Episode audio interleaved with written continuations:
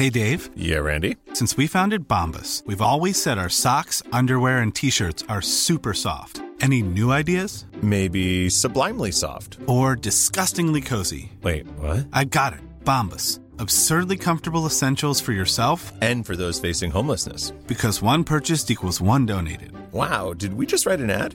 Yes. Bombas. Big comfort for everyone. Go to bombas.com slash ACAST and use code ACAST for 20% off your first purchase. Many of us have those stubborn pounds that seem impossible to lose, no matter how good we eat or how hard we work out. My solution is PlushCare. PlushCare is a leading telehealth provider with doctors who are there for you day and night to partner with you in your weight loss journey. They can prescribe FDA-approved weight loss medications like Wagovi and Zepbound for those who qualify. Plus, they accept most insurance plans. To get started, visit plushcare.com slash weight loss. That's plushcare.com slash weight loss.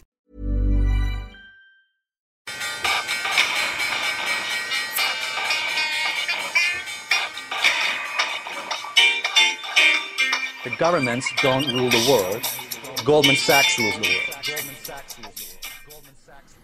Ja, velkommen til en ny episode av Tid er penger. Jeg tror vi er på episode nummer ni nå. Eh, I dag skal vi snakke om eh, alle de sinnssyke plassene der penger har forsvunnet etter at eh, finanskrisa gjorde det veldig vanskelig å tjene penger. Eh, før vi starter, så fortell litt om vår eh, partner i podkasten, som er IG Markets. Eh, IG har et eh, bredt utvalg eh, av produkter, og du kan handle bl.a. valutakryss fra hele verden. I det siste så har det jo vært mye snakk om bitcoin, og det kan du også handle via der. Så hvis du ikke vet hvordan man gjør det, så er det en måte å, å aksessere det på. Eh, en rekke markeder kan handles døgnet rundt, og eh, du kan også åpne konto og, og prøve deg fram. Eh, trade f.eks. Uh, før børsen eh, Altså det pre-market-treninga innenfor uh, åpninga i New York, og uh, det er en bra måte for deg å liksom, øve deg på, eh, på en demokonto, f.eks. Uh, og da kan du også følge med på, sånn at du får litt sånn indikasjon eh, Får litt eh, indikasjon på hva som kommer til å skje når markedet åpner. Men uh, vi kan egentlig bare kaste oss i gang med dagens tema. 2007-2008 så forandra verden seg ganske mye. Det er ti år. Før det så var det stort sett aksjer og obligasjoner. Det er litt mer komplisert nå. Ja, altså det at vi har uh, At både aksjer er dyrt og obligasjoner er dyrt, har jo avkrever jo på en måte at man prøver å skape skape avkastning for andre ting. Men hvis jeg kan bare spole tilbake bare litt, grann, for vi har jo den, den intro-jinglen vår, hvor Goldman Sachs rules the world. Og det var jo en nyhet om Goldman Sachs denne uken her. Hvor eh, faktisk forside på Financial Times, hvor Goldman Sachs nå vil ha folkerule eh, kansellert. Altså den regelen eller den loven som kom i USA da etter finanskrisen, som da skulle ja, For å spole tilbake igjen. Goldman Sachs måtte jo ha 10 milliarder dollar for å overleve fra amerikanske stat i finanskrisen. Og etter finanskrisen så nektet man da banker som kunne få føderal hjelp, altså eller som kunne be om det, å drive med egenhandel. Men nå uh, har man funnet ut at eh, eller har Goldman Sachs eh, de har jo ikke, altså Resultatene deres har jo ikke vært så gode, fordi siden de ikke kunne da drive og spekulere, eh, så har ikke resultatene deres vært etter, tilfredsstillende. De har vært gode, men ikke tilfredsstillende. Og Lloyd Blankfein, da, deres sjef, sjefen for Goldman Sachs, han jobber nå for å få løftet denne, altså eller bli kvitt denne, denne loven, folkerloven. og nå mener man at han har nok av, av sine folk i, amerikanske, eh, i den amerikanske administrasjonen. Altså Der har du Nushin, som er statsminister, han er eks-Goldman Sachs, og Gary Cohn, som er sjef for The Economic Council. Altså Trumps Economic Council, som også er eks-Goldman Sachs, eller kom rett fra Goldman Sachs. og I tillegg hadde du Steve Bannon, som nå ble kastet ut, riktignok, men han kom fra Goldman Sachs. Så har du Mario Draghi i, eh, i ECB. Han er eks-Goldman Sachs, og mener at han, man, er, man har eh, laget på plass for å få løftet denne, denne, denne, regelen. Vet du hvordan de skal gjøre det? Jeg vet hvordan de skal gjøre det. Nei, jeg vet ikke hvordan de skal gjøre det. Altså. Jeg vet hvordan de skal gjøre det. Ok, fortell. Uh, Blankfine har uh, joina Twitter, så jeg. ja, det, det, det så uh, du går der Trump er, og så ja. snakker om det. Det er nesten garantert det, derfor han har gjort det. Vet du hvor, vet du hvor uh, altså Apropos det, vet du hvor Blankfine kom fra? Altså hvilken enhet han kom fra? Han var trader eller aksjemegler? Ja, han var trader i Vet du hvor? Altså fordi altså det, altså, Jeg vet han sitter på desken fortsatt, ja. og det er jo veldig spesielt. Ja. Han sitter ikke på kontor. Han kom fra J. Aaron, og, og, du må på en måte ha vært i markedet noen år. Og vært i enten i råvarer eller, eller valutaopsjoner for mm. å i det hele tatt vite hvem J. Aaron var. Men J. Aaron er faktisk commodity-armen av Goldman Sachs. Den heter J. Aaron. Og øh, Blankfine var, var sjef der. Og, og, vanlig valuta, hvis du handlet spot-valuta, så handler du direkte mot Goldman Sachs. Men hvis du handler eh, valutaopsjoner, så er motparten din J. Aaron. Så de som på en måte har litt sånn bakgrunn, de kjenner J. Aaron. Men de aller fleste, hvis du sier J. Aaron til dem, aner ikke hva du snakker om. Jeg synes egentlig ganske jeg, jeg, har ikke så mye imot Jeg vet at du er skeptisk til Goldman Sachs, men jeg, jeg, jeg har ikke så mye imot Blankfan sin tilnærming. Altså, de, de er jo et vinnerlag. Ja. Uh, og det, det, jeg liker veldig godt, er nettopp det tradingfokuset de har. Men altså, de er jo helt ekstreme på når det gjelder byråk altså, byråkratiske infiltreringer ja. i verden, er jo helt vanvittig. Ja, det er ingen, ingen, ingen, ingen over, ingen ved siden. Men altså, jeg har ikke noe altså, jeg, altså, jeg syns at Goldman Sachs de er de flinkeste gutta i gaten. Altså, ja. De er ikke de flinkeste innenfor algo, uh, for å si det på den måten. Altså algoritmisk handel. Der er JP Morgan som, som leder racet med et stort hestehode foran de andre. Men Goldman er blant de, de, de fem beste der.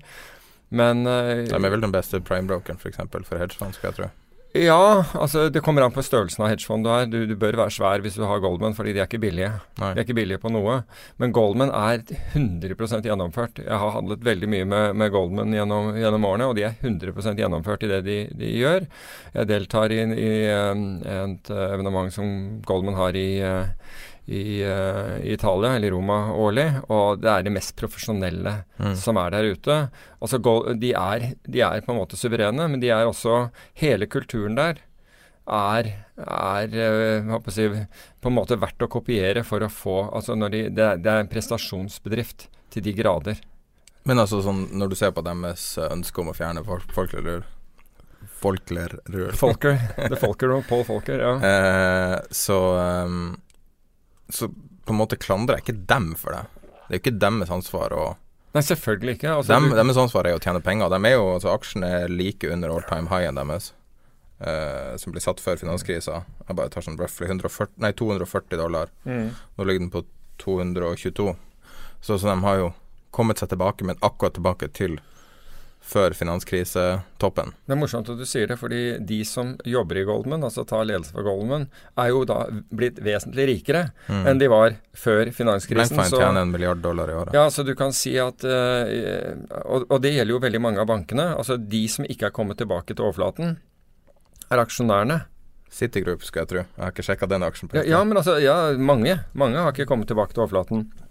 Men men uh, altså, de som ikke har kommet tilbake, er, er City Group fra 5,57, og nå har de kommet tilbake til 68, så 90 er fortsatt borte. Ja, men aksjonærene har ikke kommet tilbake. Men jeg kan, det love, jeg mener, altså. men jeg kan love deg, ledelsen har. Det er, det er, derfor altså, Du kan lure på hvor lurt det av og til er å være aksjonær i bank. Uh, de spekulerer liksom med, med, med, ofte med, og i hvert fall tidligere, med samfunnets midler. Altså de spekulerer med, med aksjonærenes midler til å begynne med, men nå går det helt gærent så er det samfunnet som må, som må betale. Ledelsen går fri hver eneste gang. Uh, ta f.eks. Libor-skandalen, som, som, ikke gjelder Goldman, bare så det er sagt. Men i Libor-skandalen så, så, hiver de Altså, den, den, som blir dømt der, det er en autistisk trader mm. i, i UBS det er han som ender, ender med å, liksom, å, å, få en dom der, som jeg tror var på 30 år eller et eller annet sånt. Mens alle som visste om det, lederne, han, avdelingsleder Han afrikaneren? Nei, nei, du tenker på Kveku Adoboli. Ja. Nei. Uh, Tom Hayes. Tom ja. Hayes heter han. Uh, jeg har skrevet, jeg har blant annet skrevet en blogg om han, for det, det, er ganske interessant. Og det fins bøker om han også som er eh, verdt å lese. Jeg skal prøve å finne hva, vi, Det kan vi putte på Facebook-siden, hva disse forskjellige bøkene heter som vi Ja, refererer til. For jeg, jeg husker ikke alltid. Uh, Vi har skrevet det, eller jeg har skrevet noen av de tingene jeg refererte til i et av innleggene. Og, og jeg anbefaler alle å lese historien til Goldman Sachs. Den er veldig interessant. Ja, den som er skrevet av en Cohen. Han tidligere Han Ja, du- jobba veldig godt med ja men du har, jo, du, har jo, eh, du har jo en som er også ganske interessant. Altså Why I Left Goldman Sachs. jo, jo, den er jo Eh, legendarisk. ja, den, den er jo fornøyelig, den. Jeg synes, ja, men det er veldig, han er veldig spekulativ, han som skrev den, da. Ja, men altså han fortalte hvorfor han på en måte brøt med, med jeg håper si, vinnerlaget. Det er noen som Mm. syns at kanskje kulturen eller etikken Men eh, ordet Goldman Sachs er jo Altså det er jo mange som på en måte bruker det feil. Du har jo en eh, En sånn bløffmaker som bruker å være i Norge regelmessig. Eh, som var han, han sier han var megler i Goldman Sachs. Altså det kan jo bety hva som helst. Det trenger jo ikke å være noe sofistikert. Og har vært Nei, men altså har du, de, bare har du klart å komme deg inn og, få, Jo, jo, og, og, og jobbe mer enn noen dager i Goldman Sachs, så, så, så har du noe, Ja. for å si det på den måten. Men uh, vi kan starte med uh, Vi drev og diskuterte i går hva, hva vi skulle snakke om i dag. Ja.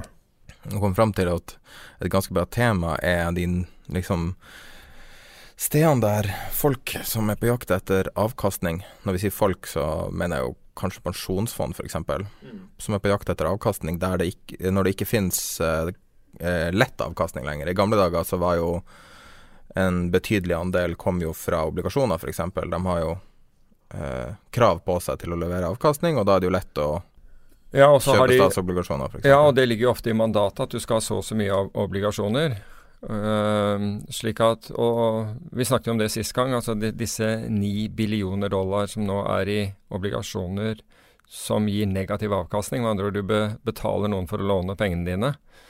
Um, og mange er nødt til å gjøre det, rett og slett fordi mandatene er slik. Og det, det er av og til jeg tenker at hadde det vært greit om de som sitter og forvaltet penger, hadde egne penger i, i forvaltningen også. For da, da, det er da du skjønner hvor absurd det er. Du gidder ikke å betale noen for å låne pengene dine. Mm. Um, og det er gjort da, altså, men, men dette går tilbake til den kvantitative lettelsene som sentralbankene fortsatt driver med. Um, som da forvrenger uh, finansmarkeder. Um, slik at vi rett og slett ikke kjenner dem igjen.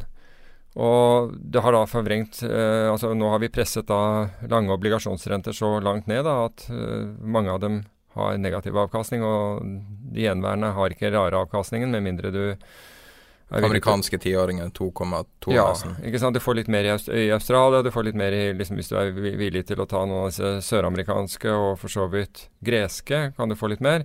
Men, men i, i det store og det hele så får du ikke nok uh, avkastning der. Men la oss si da, hvis da et konkret eksempel, aksjer, ja. for, å, for at folk skal skjønne hva vi snakker om. Uh, la oss si at du er en, du er en pensjonsfondforvalter, og så, og så skal du levere. Hva er forventa avkastning da? Jeg vet ikke, altså Hvis du spør en norsk forvalter, så er jo den alltid over 20% i året. Ja, men altså hvis du tar et, eh, et stort pensjonsfond, vel et eller annet. Ja, altså, Noe med krav, da. Ta, ta oljefondet. Ikke sant? Altså, okay. de, nå leverer jo de, men altså, hvis du klarer 3 eller noe sånt, nå, 3-4-5% så er det jo veldig bra. Ja. Veldig bra uh, i Så året. Ikke hvis sant? du kjøper du amerikanske statsobligasjoner, Da ser du hva du får, ikke sant? Da kan du forvente å få da, ikke sant, hva er det tiåringen her, eh, som du sa? 2,19, Ja, ikke sant? nesten 2,20. Uh, kjøper du tiårs uh, japanske statsobligasjoner, så ender du opp med 0,15% Men la oss si da du kjøper 40 hvis du oljefondet 30% 40 uh, amerikanske tiåringer. Ja. Hvilket vi ikke kan, fordi jeg er nødt til å kjøpe et helt bredt uh, utvalg av obligasjoner. Men la oss bare si for enkelhets skyld, da. Et Ja. hypotetisk fond som har lignende type regelverk. Har, Altså Før så hadde du f.eks. 60% obligasjoner og 40 aksjer. Ja. Det var jo, var, jo, øh, var jo ikke ukjent, ikke sant? Og da har du altså hvis 60 switcha av La oss si at 60-40. 60, ja, 60% av porteføljen din får du 2% på. Da skal du liksom virkelig dra til med, med det andre. og det er det jeg kommer fram til. Det er derfor jeg Ja, og, og det har jo på en måte ført Altså det, det, det som har skjedd, er jo at de som har kunnet, de har sagt at vet du hva, vi får ikke vi, Altså de ser på avkastningen, ikke nødvendigvis på risikoen. De sier at vet, vi, vi har en forpliktelse La oss si pensjonsfond, da, som kan ha forpliktelse til å levere 3,5% avkastning i året, som sier at vet du hva, det går ikke. Altså, hvis, du da sier, hvis du da tar det hypotetiske fondet som har 40 i obligasjoner, Mm. for de må, de må ha noe garantert eh, tilsvarende garantert av amerikanske statsobligasjoner, er det nærmeste man kommer penger, mer eller mindre. Uh, og så sitter du igjen da med uh, da uh, 1% avkastning totalt sett pga. obligasjonene. Hvor får du de resterende 2,5? Hva gjør du da? Ja, altså det man har gjort til nå, det er jo at man, og, og det har jo myndighetene vært helt bevisst på at man, vi skulle gjøre, det var jo at man skulle kjøpe aksjer. Mm. Og drive opp aksjemarkedet. ikke sant? Og det har man gjort. Og resultatet nå er at obligasjoner er dyre, og aksjer er dyre. Det, det fins knapt noen som sier at ikke disse, disse to, to eh, aktiva klassene i øyeblikket er dyre. Altså, det- Og historisk sett har jo de vært motsatt. Eh, Ja. motsatt korrelasjon. Ja, ikke sant. Men, men uh, uh, Og når jeg sier at det ikke det finnes knapt noen, det er klart at det finnes folk som er på en måte under, un- under tung medisinering, som kanskje mener at, det er, at noe av dette fortsatt er billig. Men hvis, hvis du på en måte ikke har det i blodet, ikke sant, så, så faller du ned på at, at det er dyrt. Og så sier de ja, men hva skal vi gjøre? Og der har jo myndighetene gjort liksom nesten alt de kunne for at du ikke skulle kunne gjøre noe annet. Du får nesten ikke lov til å drive med noe annet med pengene dine.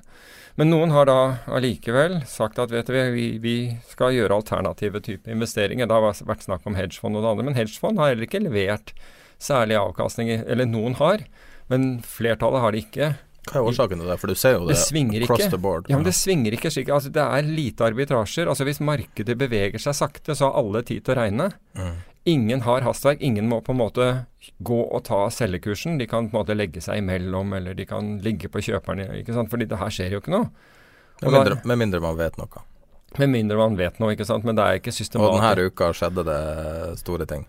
Ja, altså ja, denne uken her var litt, litt interessant fordi, eh, fordi en av subprime-selskapene, altså eh, dette er et finansforetak i England, som låner ut penger til, til altså subprime-penger, med andre ord til eh, mindre sikre betalere. Jeg vil jo også påpeke at det er et norsk selskap som prøver å gjøre det samme. Ja, altså du kan gjerne si at det er dårlige betalere. altså Noe som er Provident Financials.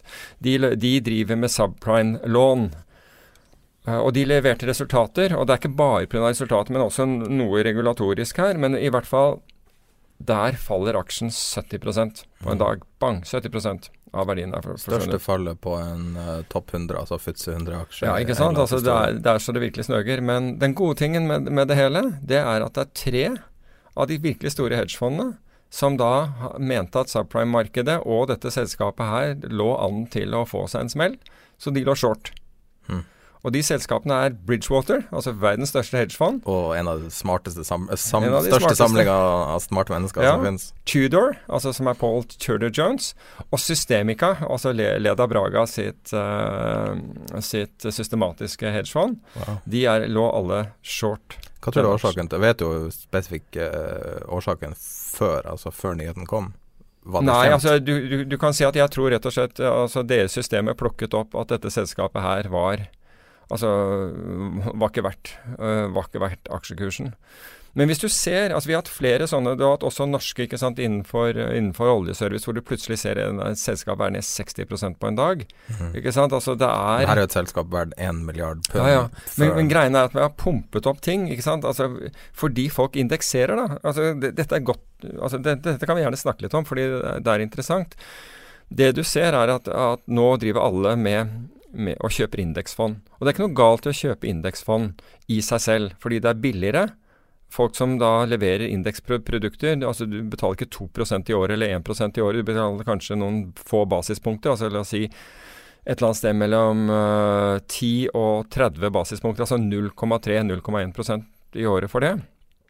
Og i det lavvolatilitetsregimet, altså hvor det har vært lite svingninger pga. sentralbankene har drevet og kjøpt uh, verdipapirer, så har, så har det vært vanskelig å plukke aksjer for de aktive forvalterne. Og Vi var inne på hedgefond i sted, men det gjelder også aktive aksjeforvaltere. Det har vært vanskelig å plukke aksjer. Så resultatet er at alle sier ja, men åh, jeg, jeg gidder ikke å betale 2% eller halvannen prosent eller hva jeg betaler til aktive forvaltere. De klarer ikke å slå indeksen likevel. Og så tar de pengene sine inn i indeksen. Problemet med det er at indeksen er i anførselstegn dum. Den? Altså når, når penger kommer inn, så kjøpes alle selskapene i indeksen. Uansett om de selskapene er gode eller dårlige. mm. Og det gjør at selv de dårlige selskapene ikke sant? Altså, Tidevannet hever alle båtene. Jeg skulle til, ja, jeg kom bare ikke på det, men du, du kom på det. ikke sant? Ti, tidevannet hever alle båtene. Og du ser ut som, som et geni, fordi måte, det er, det er jo mengden av penger som kommer inn. Det er ikke smarte penger, det er faktisk dumme penger som kommer Mm. inn. For folk tar ikke, ser ikke inn i denne indeksen og sier vet du hva, jeg har lyst på alle aksjer eller alle selskapene i indeksen minus. Oljefondet faktisk gjør det. De har noe som heter enhanced Og det her er jo et veldig godt eksempel på hvorfor oljefondet ikke burde kjøpe indeksfond som folk har foreslått. Nei, men du kan godt kjøpe indeksfond. men Fordi de at de forvalter klassisk forvaltning. Ja, men de drev, de drev i hvert fall med Jeg, vet ikke om det har endret seg i, i forhold til all den der kritikken som er blitt Altså som, som er veldig kortsiktig tenkt, som er blitt rettet mot dem. Fordi eh, man skal ikke drive med spekulasjon, men de drev i hvert fall tidligere med en enhanced indexing. Med andre ord at de så Ok, vi, i utgangspunktet har vi indeksen. Men vi gjør en kvalitativ vurdering av de selskapene i indeksen. Jeg vet at de måles på alfa. Ja, de, Ja, ja, ja, enkelt- ja, ja, ja, absolutt. Ja, og, du kan si du, og det betyr at det fins en eller annen form for en Mer, meravkastning. Alfa meravkastning. Ja. Og da, da betyr det at du, liksom, du ser over indeksen og sier at uh, i dette tilfellet FOTSI 100 som, som uh, dette selskapet uh, var en del av, så sitter du og ser på den, så sier du vet du hva ja, vi, vi kjøper la oss si 70% eller 80% av denne. Det ser veldig greit ut, men det er noen real dogs i denne porteføljen. Det er noe real dog shit inni denne porteføljen. De, vi- de kjøper ikke, for det er ikke verdt det. Men der har du jo kanskje den arbitrasjemuligheten de tre hedgefondene har sett. Nettopp. Jeg skulle tro at det er en sammenheng mellom Ja, det- det- dumme penger som kjøper Ja, det indeks tror jeg. og Fordi eh, felles for alle disse her er at de er systematiske. Ikke sant? Bridgewater eh, jobber systematisk. Um, Tudor har jo vært systematisk Har du siden møtt han Paul Tudor Jones? Ja, men det er eh, nest, Nei, det er mer enn 20 år siden. Så du møtte han like etter den der ekstremt legendariske TV-innslaget som heter Trader ble uh, Ja, men, men, men altså, jeg så jo ikke den der trader før uh, fem år siden, eller et eller annet sånt. Den, er Han ikke den i svart-hvitt? Nei, den er farga, men han, Ah, han calla, han eh, 1987-krasjet på TV Ja. måned, tror jeg, før det smalt. Okay. Han bomma på noen måneder, men han, han tjente jo penger på det. Ja, ja, og da sitter han på TV og forklarer hva som kommer til å skje, og så skjer det en måned etterpå. Det er en, han, var, Han er en, han er en legendar. Men han er, altså, Vi kan jo snakke om, om han også. Jeg vet ikke om vi skal ta det i samme, i Jo, jo, samme sammenheng. Jo, altså poenget er nå at uh, han, uh, hans fond har jo ikke levert det han hadde ønsket, hvilket gjelder veldig mange av disse, disse systematiske trendfølgerne. Systemica er en av dem. Så jeg nevnte Leda Braga sitt fond. Har ikke levert etter forventningene de siste årene fordi det har vært veldig vanskelig i det markedet. Så Paul Tudor Jones og en rekke andre har nå eh, leter nå etter alternative steder å levere eh, og, og, og finne avkastning. For de sier at ok, den vanlige trendfølgingen, den, den går ikke. Altså, du har Winton, som er et av de store, i hvert fall den største i England, som har gjort forbedringer på sitt program. Du har et svensk som heter Lynx, som de har valgt å ikke gjøre noen forbedringer. De bare kjører og sier at verden kommer til å komme tilbake til det den var, så da begynner vi å tjene penger. Altså Spørsmålet med, med den er at du, du skal ha tålmodige investorer for å, for, for å sitte gjennom uh, tar jo lønn i mellomtida. Ja, altså det er ikke det at jeg ikke tror de er genuine, men de altså Ja, jeg mener at det, altså, da kan du like gjerne ta ut pengene. Ja, men, men du altså. kan også gjøre Du kan også se på verden over lang nok tidsrekke, og så si at ja, dette her har vi sett før. Det kommer tilbake til normalen. Det er ikke det som er problemet. De har, sannsynligvis har de statistisk rett i det. Verden kommer tilbake. Verden kommer Altså, det, den, den, den måten de investerer på, vil bli brålønnsom igjen. Altså Folk sa jo dette før 2008 og da tjente jo disse, disse trendfølgerne virkelig mye penger. Ikke sant? Winton var vel opp 25% eller et eller annet sånt når alt datt fra hverandre i, i, i, i verden. Men, men når kommer pengene inn? Jo, de kommer jo inn etter at de har tjent veldig mye penger. Da, da skal alle pengene inn. Jeg har sett statistikk på det, faktisk, at, um, at uh, fond som har prestert Hvis du tar uh, Paulsen, eksempel. Han er jo typisk veldig kjent for å prestere i finanskrisa. Og så strømmer det inn penger året etterpå, og så klarer de ikke å repetere det. Mm. Både som en funksjon av at lynet slår sjelden ned to ganger på samme sted, eh, og eh, at mer penger gjør det vanskeligere å tjene penger. Det er lettere å være Ja. agile med ti millioner enn en en men milliard. problemet er at, at sånne muligheter som, som Paulsen utnyttet under finanskrisen, da, med å gå short subprime ikke sant? og short my mye annet av, av, av, gjeld, de dukker ikke opp hver, hvert eneste år. Det er ikke sjans for at de dukker opp hver eneste år. Men år. folk er jo short subprime, en annen type subprime nå, ikke sant? Biler. Ja, Som er, i Og det- og- henhold til temaet, så er vel det en annen klasse som folk har uh, til nå. og, og, og det tjener de godt på om dagen, fordi du ser liksom billån øh, øh, Defaulten har jo gått, øh, gått i været. Mm. Så, så de tjener faktisk godt på det, men greiene er at altså vi, vi, En norsk forvalter, eh, Ole Andreas Halvorsen, som, er, måte, som driver det største hedgefondet som noen nordmann driver, uh, han sitter i USA. Han hadde, gjorde jo egentlig det, det samme i da, da dotcom-bølgen sprakk. Han, hadde, han jobbet da for Julian Robertson i Tiger rett før det, og Julian Robertson hadde ment at at det var en hype i teknologi som skulle shortes. Han mente at selskapene var ikke i nærheten av vært det, det, det, den markedsverdien de hadde. Problemet var at Julian Robertson var tidlig ute. Mm. Han var for tidlig ute. Men Julian Robertson, bare sånn for folk som ikke vet hvem han er, er jo en helt briljant Han er en legende. Ja. Han er en legende inne. Men, men. Julian Robertson han legger ned fondet sitt. Og flere av de som ø, jobber i Tiger, deriblant Ole Andreas Halvorsen, går da ut og starter sitt eget fond. Så du kan si 'timing is everything', og det var det virkelig i, i hans tilfelle. For han kjøper konsumentaksjer og går short teknologi, Mm. ak og da smeller det. Mm. Hadde han gjort det ett år, to år før, så hadde det ikke vært i nærheten. Men poenget er når da teknologi kollapser, så jeg mener at Viking, eller Viking Global som fondet hans heter, var opp 89% ja, eller noe sånt nå i eh, Var det 2000 eller, eller 2001? Hva skjer? Jo, folk stormer inn i fondet. Altså, når teknologi har gått til nær null, da, så, så, som, som det gjorde, at mye gikk jo til, til null, da stormer folk inn og forventer at du skal levere det året etter. Mm. Ikke sant? Du har tatt ut den muligheten. Og selv om Uh, Andreas fortsatte å levere bra resultater, så var det ikke en sånn 89% resultat. Og da var det en, en nordmann som hadde, som hadde puttet penger, mange investors penger inn i, som går og kritiserer ham på førstsiden av avisene for at han ikke hadde levert Tidlig 2000-tallet.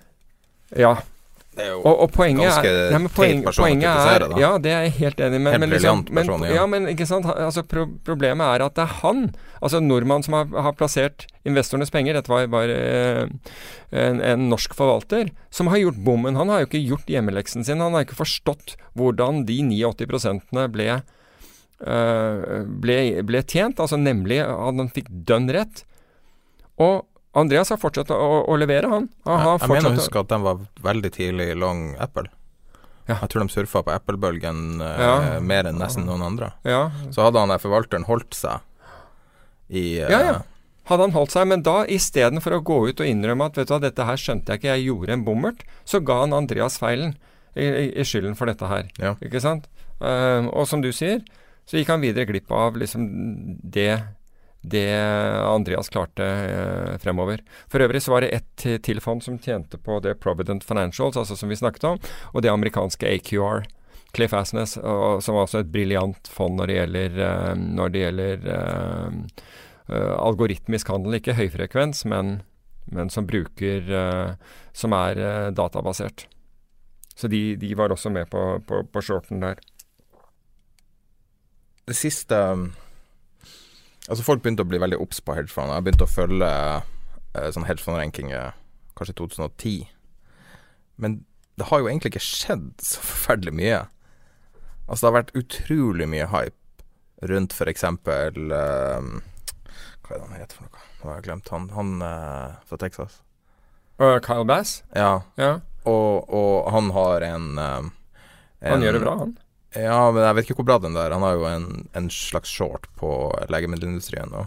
Ja, men altså, han, altså greien med Kyle Bass er, er at, uh, at, at selv om han tar feil, så gjør han det bra. Mm. Altså, for- for ja, for han er jo long. Han er jo grunnleggende Ja, men ja, altså, han var jo long eh, dollar mot, mot, mot yen, var jo helt overbevist om at det skulle gå Ja, men han er alltid long aksjer. Det vet jeg ikke. 70 av porteføljen Ja, det er mulig. Men, men du har altså, jeg kan vise deg til, til fond som er eh, som, Det kom en statistikk her i går eller dagen før. Som har vært short hele veien i denne oppgangen her og tjent penger hvert år. Altså Han har ikke Ja, ja. tjent like mye som, som SMP-en har, har gått opp, men til tross for at han har vært short, så har han tjent penger. Det er den perfekte hedgen du vil, du vil ha. Det er en som på en måte får, tar helt feil, men allikevel klarer å tjene penger. Da er du ganske god. Som forvalter. Du ligger short et marked som går opp, og du fortsetter å tjene penger. Det er ikke dårlig, men det betyr at du, at du er virkelig flink til å, til å, velge.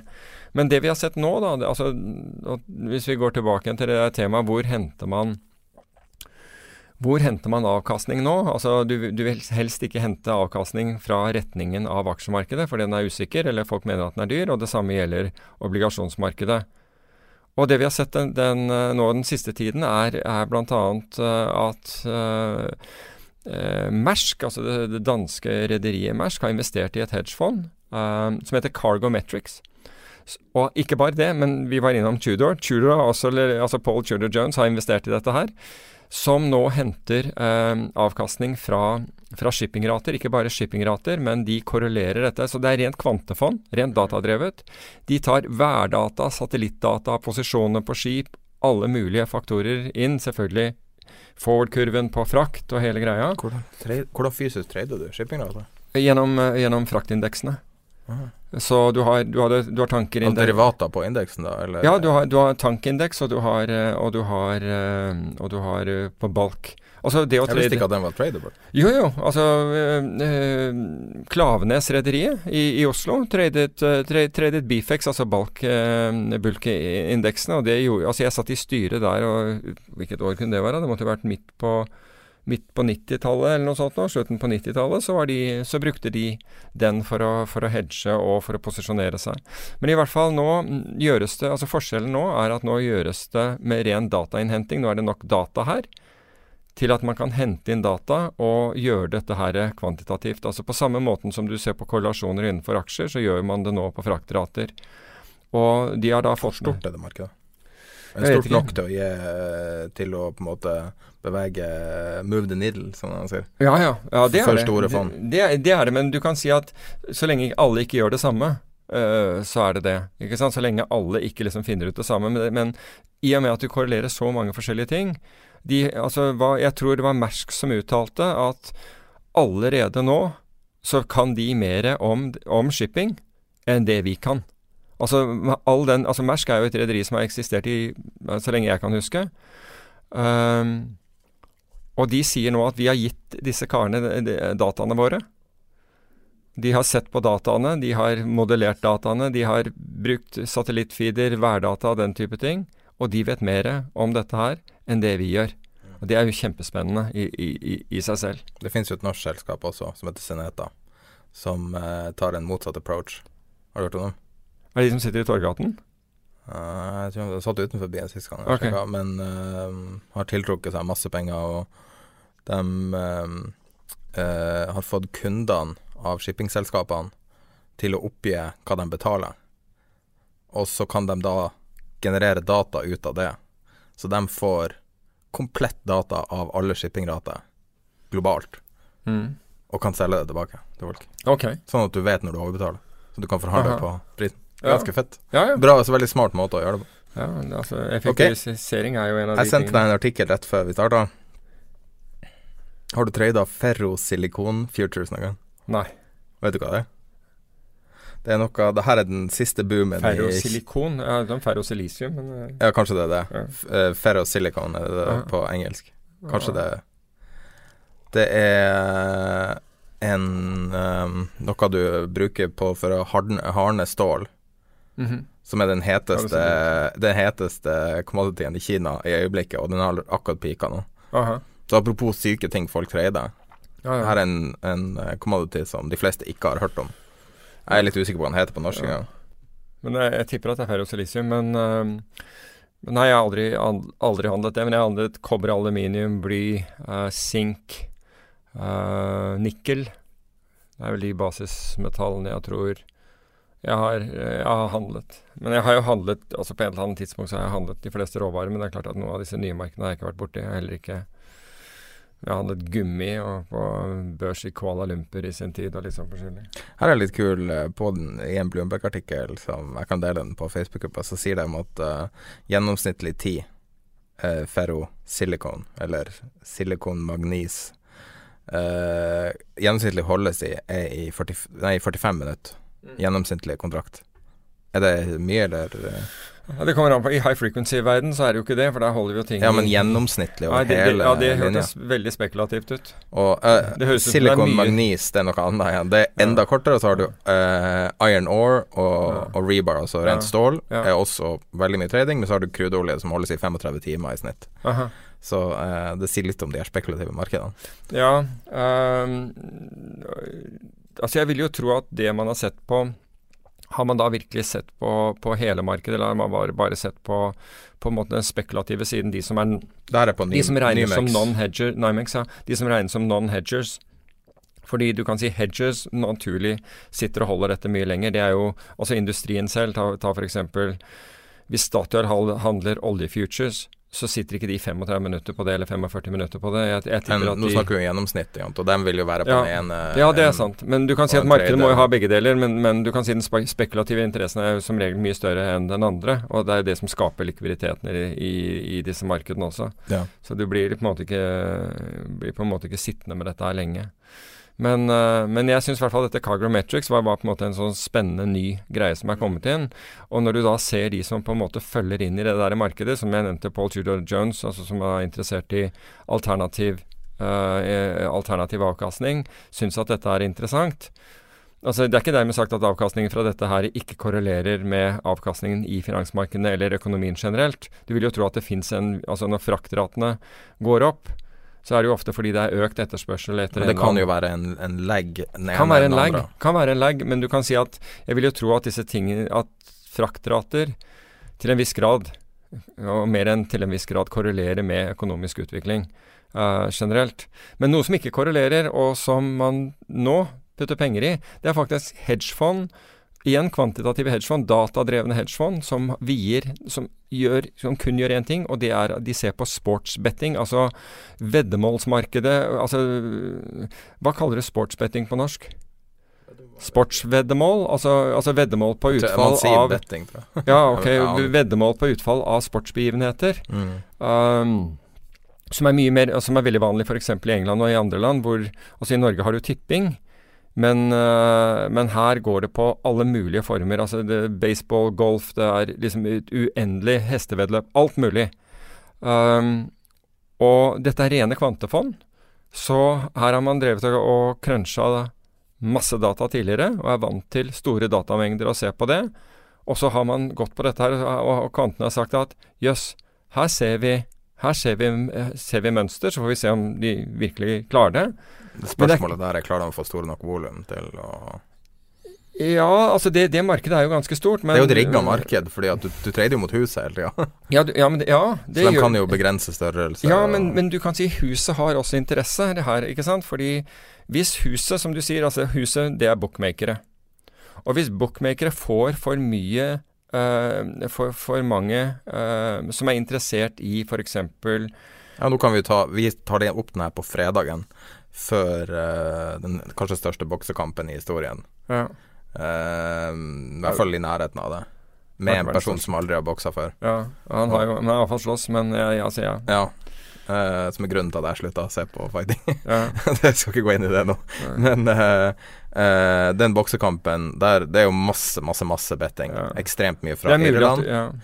Og, um, og der har jo f.eks. et uh, Et britisk bettingfirma har allerede betalt ut for, uh, for seier til han Jeg husker ikke hva han heter. Bokseren, håper jeg. Ja, bokseren. Ja, jeg- har glemt hva han heter. Ja, jeg, sånn, jeg, jeg kommer The, ikke på det. The. Money Team. Ja. han. Og ehm, Herregud, Men, men, la, men, men la, la oss bare ta denne her, fordi den, den er ikke så Altså hvorfor den ikke er Mayweather. Ja, Mayweather. Men, men, men hvorfor ikke den er så aktuell for kvantene, det er at du har ikke, du har ikke et sammenligningsgrunnlag her, tror jeg. Men det er ikke nødvendigvis riktig. Fordi, fordi det er en hypotese jeg, jeg, fremmer. ikke sant? Du har ikke et sammenligningsgrunnlag for en bokser mot en MMA-fighter. Nei, du har lite data, men de bruker mye data i boksing. Og boksing er et interessant. Ja. Men jeg vet en, en spesifikk Ja, men, men ta her, altså. Her har, du, her har du en bokser på den ene siden, og så har du en MMA-fighter på den andre. MMA-fighteren skal bokse. Mm, ja, Han, han skal ikke gjøre det han er liksom best til, å rive folk over ende og, og, og og tupper i trynet. Ja. Han skal faktisk han må på en måte følge boksereglene. Og da er du liksom ute og, og sykler når det gjelder data, Ja, ja. føler jeg. Men det, kan gå alle veier, og det er derfor den er så spennende. men altså jeg, ville altså ville jo også øh, gått med bokseren der. fordi hvis du må liksom begrense deg til det bokseren er best på så jeg tror jeg det at- en av issuene er at bokseren er såpass mye eldre. Ja, det kan godt hende. Det, det det kan godt hende. Han andre er vant til å øh, tåle mye juling, det er helt, helt klart. Men, øh, for det får du i en sånn MMA-fight. men, men du kan si at Men, ikk- men det, kan, det kan være andre ting du ser på. fordi det jeg sier nå, det er på en måte min take på det, min hypotese. Men det kan være Altså, det som er det morsomme i dag, det er at det er ikke bare matematikere som ser på data. Det er fysikere, ikke sant, som vi har snakket om tidligere. Liksom sånn. Men det er også biologer som ser på data. Og, og det som er med disse tre, altså matematikk, fysikk og, og biologi, det er at de som driver med disse ulike disiplinene, om du vil, de ser på data på forskjellige måter. Så de kan oppdage ting som det andre ikke har oppdaget i, i data. Så, så, og det er jo det som er på en måte spennende. Et tredje, spennende. fjerde eksempel er jo ti. Så det finnes et high frequency-element her også. I tennis eh, var det eh, folk som benytta seg av For der var det en delay Mm. i informasjonen. Og der var det folk som benytta seg av Det var når, når mobiltelefoner begynte å bli utbredt, så var det en bitte liten delay i informasjonsstrømmen tilbake til bookmakeren. Og da var det eh, sånne folk som ble sendt ut til kamper, fordi at f.eks. TV-signalet var ett sekund forsinka. Mm, mm. Og det sekundet har masse å si. Hvis Ja, sekund er uendelig i dag. ja. Ikke sant? Hvor, vi, hvor vi, vi holder på ned, ikke sant? i mikrosekunder. Ikke, sant? ikke bare i millisekunder, men mikrosekunder. Det er, det er jo et sekund, et hav av tid til å Så i livebetting, på samme måte som livetrading, så var det folk som benytta seg av det i tennis for fem-seks år siden. -hmm. Nå er det den er arbitrert bort. Men hva er det mer Har du flere eksempler på det? Nei, men altså du kan si at de, det, det, det ene fondet, jeg tror det er, eh, det er, er australsk, og de eh, Altså hvordan de har kommet til dette her, men jeg regner med at liksom det er eh, igjen kvantitativt basert. Men de, de mener at de skal kunne levere 17% avkastning i året til eh, sine investorer, og hvis det er riktig Altså det, det er to ting som er attraktivt med det. Altså Om det hadde levert syv, så hadde det vært fantastisk, eller fem, for, det, for så vidt. Men det, det som er attraktivt med denne med, med den avkastningsstrømmen som de gir, er at den ikke henger sammen med noe annet. Du kan si at du finner ikke at en fotballkamp henger sammen med hva, med, med hva aksjemarkedet gjør. Eller tror jeg. Uh, eller obligasjonsmarkedet. Eller i hvert fall så liten grad blir påvirket av det i forhold til andre faktorer, hvis den blir påvirket av det i, det hele tatt, at du får en, en inntektsstrøm som er uavhengig av den andre inntektsstrømmen du får, f.eks. fra obligasjoner og aksjer. Og hvis den er uavhengig av det, så kan den diversifisere det du gjør. Så da bør du faktisk se på det. Altså nå sier jeg hvis nå, jeg, Og hvis den er stor nok. ja, så Jeg driver ikke noe reklame for, for disse fondene, for jeg har ikke sett på hva disse fondene gjør, og, og bare så det er klart. Men jeg syns det er interessant at vi nå, nå, snakker går vi om alternativer ja, at vi nå går for å finne eh, steder hvor man kan skape Hvor man kan få avkastning, og det gjør man ut av en ja, i anførselstegn igjen, desperasjon etter en avkastning som ikke er avhengig av det som all, alle andre er avhengig av i øyeblikket, nemlig at aksjemarkedet fortsetter å gå opp og obligasjonsmarkedet ikke, ikke faller fra hverandre. Jeg tror ikke bitcoin er det samme. Jeg tror, jeg tror ikke det For det er snart, altså markedsverdien til bitcoin totalt er 60 milliarder. Og, og veldig mange vil si at en av grunnene er at uh, seriøse penger, altså fond og sånne ting, begynner å kjøpe Jeg kan ikke forestille meg at det er tilfellet. Ja, det er, jo, det er, det er jo fond som driver i det. Hvem var det som Men jo, seriøse det- Vet du hva, jeg tror faktisk Hva var det jeg leste? Jeg mener at jeg leste akkurat nå nylig at noen forlot et av de store fondene. Um, var det Millennium eller noe sånt noe, for å, for å starte et fond som bl.a. hadde med, med bitcoin å gjøre? Um, jeg, jeg er ikke helt Jeg vet i hvert fall at en av forvalterne i, et av de store fondene gjorde, gjorde akkurat det der. Altså, det var ikke begrenset til bitcoin, men det var begrenset til kryptovalutaer. Så um, igjen, jeg er ikke noe ekspert på det. Er du sikker på at det var. Mark Cuban? Det var ikke Mark Cuban. Hver gang Mark- Cuban gjør noe, så ja, vil jeg gjøre det motsatte. nei, nei, nei. Uh, ja. Um, Men det er utrolig masse som uh, Et annet fond et- Et annet fond er satt opp for eh, eh, kjøper eh, hva, blir det, hva heter det på, på norsk? De kjø... Hva er insurance claims på norsk? Forsikring. Ja, forsikrings... eh, altså Utbetalinger. ja, for, ja, de kjøper da mulige forsikringsutbetalinger fra, fra, fra, eh, fra som, som er lenket til terrorisme. Altså hvis du har forsikret deg mot, mot terrorisme i en eller annen form, Ja. og utsatt for, for, for et terrorangrep, og du blir utsatt for dette her, så er de villige til å kjøpe den uh, claimen du har mot forsikrings, forsikringsselskapet ditt. Så det du får en er betaling øyeblikkelig? Du får en øyeblikkelig betaling. Du, du slipper å slåss mot forsikringsselskapet om dette her var riktig og hva, hvor mye og alt det der. De tar den. Jesus. Um, og, og altså det har jo vært ekstremt på samme måte som folk, ja, men du, har jo, du, har jo, du har jo fond som kjøper opp uh, livsforsikring. Ja. Kontrakter. Ikke sant? Som da Men det består da Det høres ut som en sånn seriemorderting. Ja, ja, riktig. Men, men, men ikke sant? Ja, fordi de Men, men Så det, de du har et en viss, sterkt du, ja, du, har en viss bias i det der, det er helt klart. Men, men eh, de, de er alle, ja, tusen. De, de er alle aktuarer, ikke sant? Og de, de ser da på forventet levetid, ikke sant, på de menneskene som er Som de, de kjøper disse her fra. Og så, sier at kjø så de blir basically uh, den som får betalt når de dør? Ja. Så de betaler deg. ikke sant? Du har en livsforsikring, men de sier at vet du hva, Sverre, du er liksom Du er så høy, du veier så mye og alt mulig sånn, din forventede ikke sant? Så, så sier du at ja, i tillegg så har jeg f.eks. diabetes, eller du har Ja, ja. et eller annet sånn, og så inn i en kalkulator med dette her, og så sier mm, Jøss. Deg liker vi, Sverre. Du kommer til å dø tidlig. Ikke sant? Altså, der, også er jeg villig til å jeg, jeg, tar du hevn nå fordi jeg sendte deg en link til Vi over 60? Ja, lite grann. Litt lite grann. Jeg, har, jeg har på en måte lett etter en inngang til å, til, til, til å komme tilbake Altså, med den der. Uh, vi drev og fornærma hverandre på Facebook, og så sendte jeg Vi over 60 Ja. subscription. Yeah. Um, du kan trade bitcoin i Teslaen din. I hva for noe? I Teslaen din. Ja, var ikke den bra? Altså, Mm. det, er, det er klart at når du har, når du har bitcoin trading-system på storskjermen i Teslaen din Herregud, jeg kjenner jeg irriterer meg på Ja. så mange nivå. Men da er det fordelen med autopilot. ikke sant? Der, der, der ser du hva du kan få ut av det der å ha autopilot. ikke sant? Der kan du sitte da og trade mens bilen gjør sine egne ting. Men hva er det du, du møter mye forvaltere Mm. eh, i løpet av et år eller i løpet av en måned, eller jeg vet ikke. Hva er det liksom som er the hot trade nå?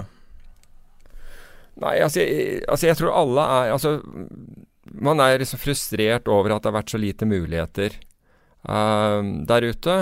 Um, jeg jeg synes, Utrolig nok så er det en hot trade, men den er jo helt feil. Det er at du Det, det er fond som som uh, som uh, utsteder CDS-kontrakter.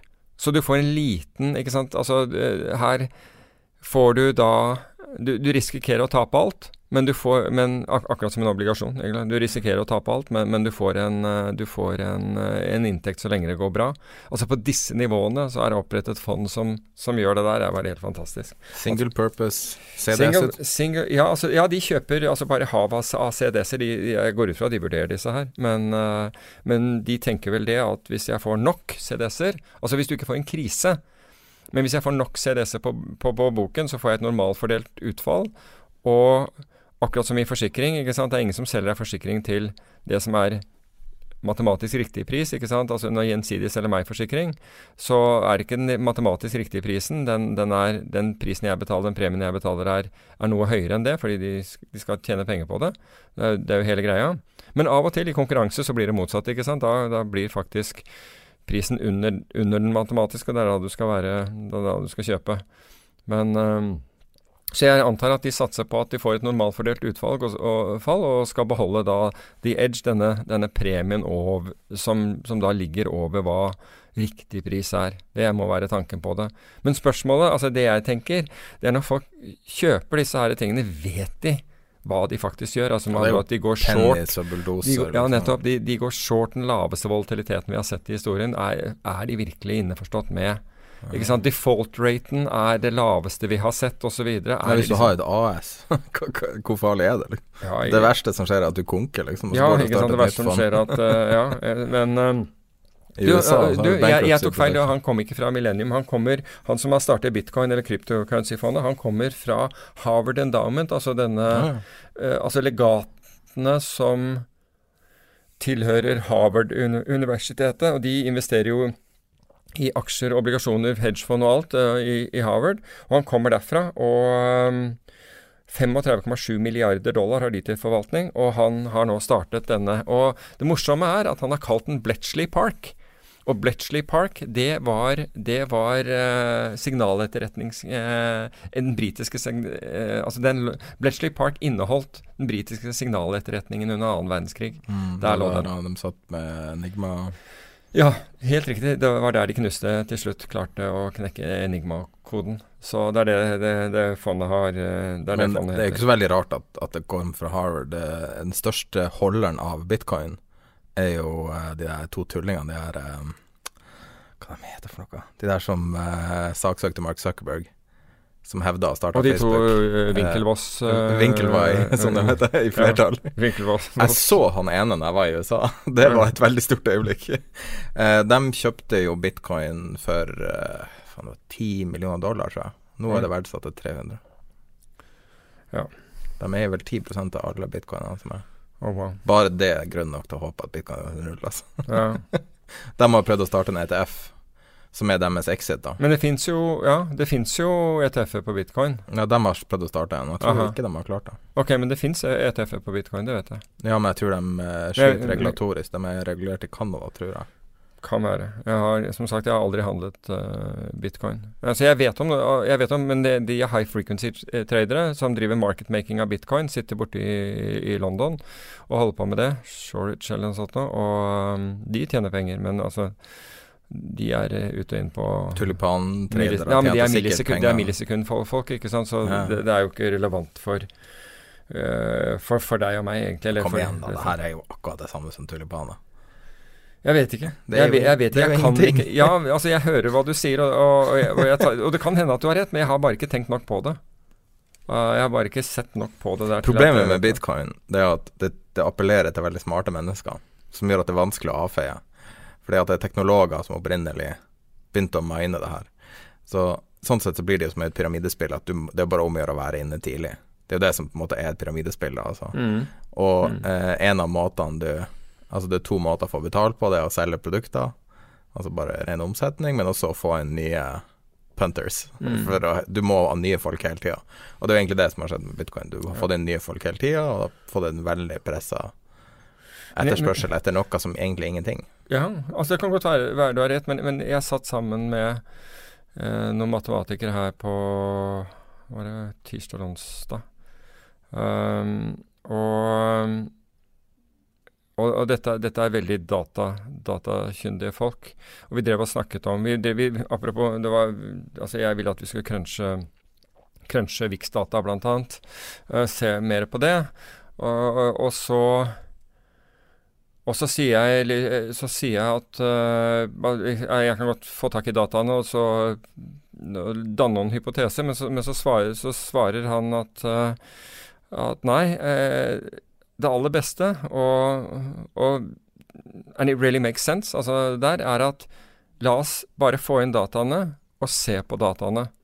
Ikke sant? Du, du, du har nå en bias til bitcoin, og det kan godt hende at du har rett. Kan godt hende at du har helt rett. Jeg vet at folk som hører på, hater Ja. meg for at Ja, jeg ja, sier men, det, ja, men det ja, men det kan være. godt hende at du, at du har fullstendig rett. Altså, det kan godt hende at i neste program så, så, så gir jeg honnører fordi liksom bitcoin har kollapsa og alt mulig sånn. 4400 dollar nå. Ja, ja, der, men som, som han sier, altså det er, la oss bare få inn dataene, ikke ha noen ikke ha noe bias til det.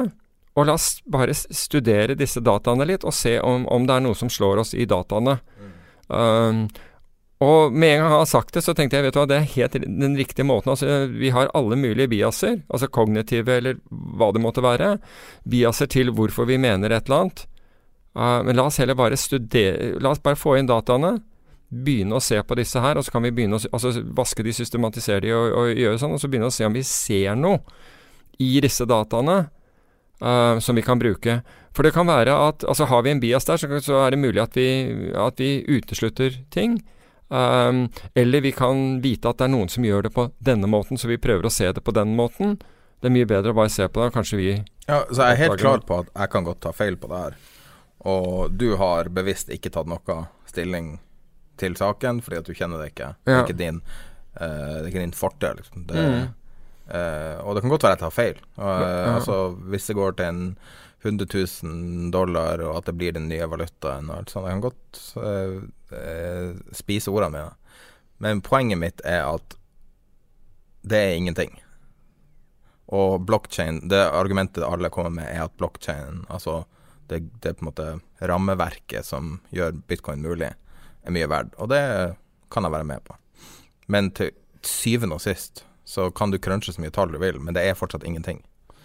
Ja, men, men altså, da, På samme måte som Ok, vet du, hvordan, du, vet du hvordan du bedømmer verdien til ma- diamanter? Det fins en måte å, å klart to strek under svaret for å si at diamanter er ca. 90 overpriser. Ok. Og det er syretesten til diamanter. Du har syretest på gull.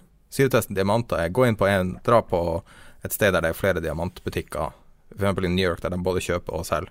Så går du til en butikk, og så kjøper du en diamant, og så går du til neste butikk og prøver du å selge den. Ja, den får du mye mindre for. Så er ser du prisen. Ja, prisen du får er ca. en tiendedel, roughly. En tiendedel? Ok, jeg ante ikke at det var sånn, men jeg, jeg vet jo Altså, diamanter jeg, er et rigga ja, marked. ja, enig. Men for alle er enige at Demanta er masse ja, ja. verdt. Pga. markedsføring og 100 år eller 70-80 år med Så poenget mitt her er bare å ikke være en sucker. men én karat, liksom top Wesselton, har på en måte en market value. Ja, Men, helt altså, til du men- prøver å selge ja, tilbake til, til han der karen Det er derfor det ikke finnes diamantfond. Ja, ja, men han der det finnes gullfond. Fordi Ja. gull har en mer objektiv, langsiktig Men, verdi. men altså, jo jeg, jeg, altså, jeg, jeg, er enig i at det er, det, er en, det er en forskjell der, men hvis du liksom har en Top Wesselton, en, en karats diamant, så er det, så er det en Så er det nærmest en, en commodity. Men når du sier at Bitcoin er ikke noe verdt, og kan være at du har, du har rett, men poenget mitt er hva er en dollar verdt, da, for å si det på den måten. Vi gir dollar en ja, men dollaren er noe annet. ja, den er ikke det. Vi trykker jo er mer og mer av den. Nei, for det er samfunnet. Og det, det er verdien. Det er bare en måte å kvantifisere samfunnet på. Ja, men, kvanti ja, men, bitcoin men hva er liksom samfunnet? løsrevet fra samfunnet, og Jo, det er men- grunnen til at jeg mener at det ikke har noe verdi. Norske kroner eh, men, men, folk, folk har et vanvittig forhold til sedler.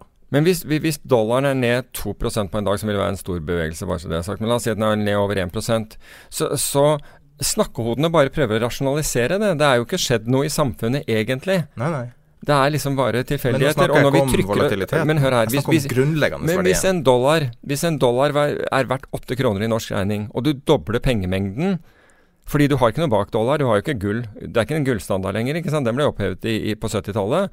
Men hvis den er verdt 8 kroner, du dobler pengemengden, da skal den dollaren være verdt 4 kroner, men det skjer ikke. Dollaren fortsetter å være verdt 8, ikke sant. Her er det noe gærent. Så, så Men snakker du det, nå om, om, eh, om kvantitative lettelser?